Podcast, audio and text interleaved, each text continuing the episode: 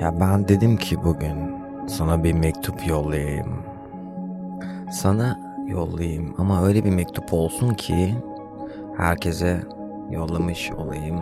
Herkes herkese yollayabilsin. Öyle bir mektup olsun ki hepimize hitap eden bir şey olsun. Hepimiz birbirimize bu mektubu yollayabileyim. Yani ben sana yollayabileyim. Öyle bir mektup olsun ki bu yazdığım sen de bana aynı mektubu yollayabil.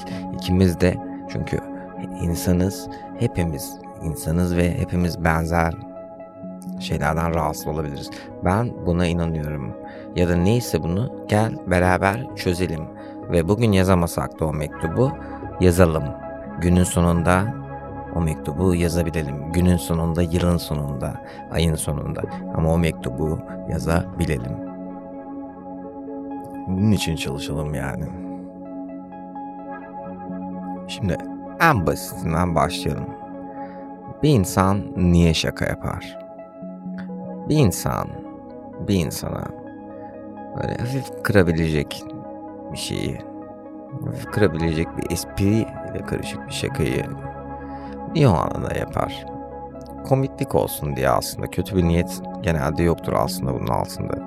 Ama karşı taraf gerçekten rahatsız oluyorsa ya da bunu tatlı bir dille senin bana yaptığın gibi dile getiriyorsa artık bunu yapmanın gerçekten yanlış bir şey olduğunu anlamak önemli. Ben bunu yapamadım hemen ve bunu anlamam biraz zaman sürdü. Ama şimdi e, ben de buna maruz kalıyorum ve partnerimize, sevdiğimize, kimseye, arkadaşımıza, eşimize, dostumuza duyduğumuz o saygıyı asla unutmayalım.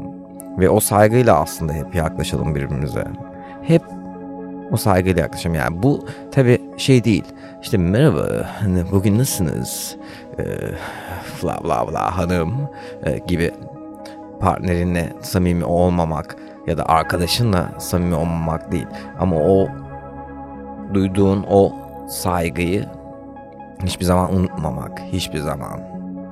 Yani ve bir şaka özellikle yakın olduğun insanlarla yaptığında anladın mı? Senin ne kadar uzun süre olmasını istediğini ya da senin onunla ne kadar uzun süre olmak istediğini düşünmen senin için daha iyi olur.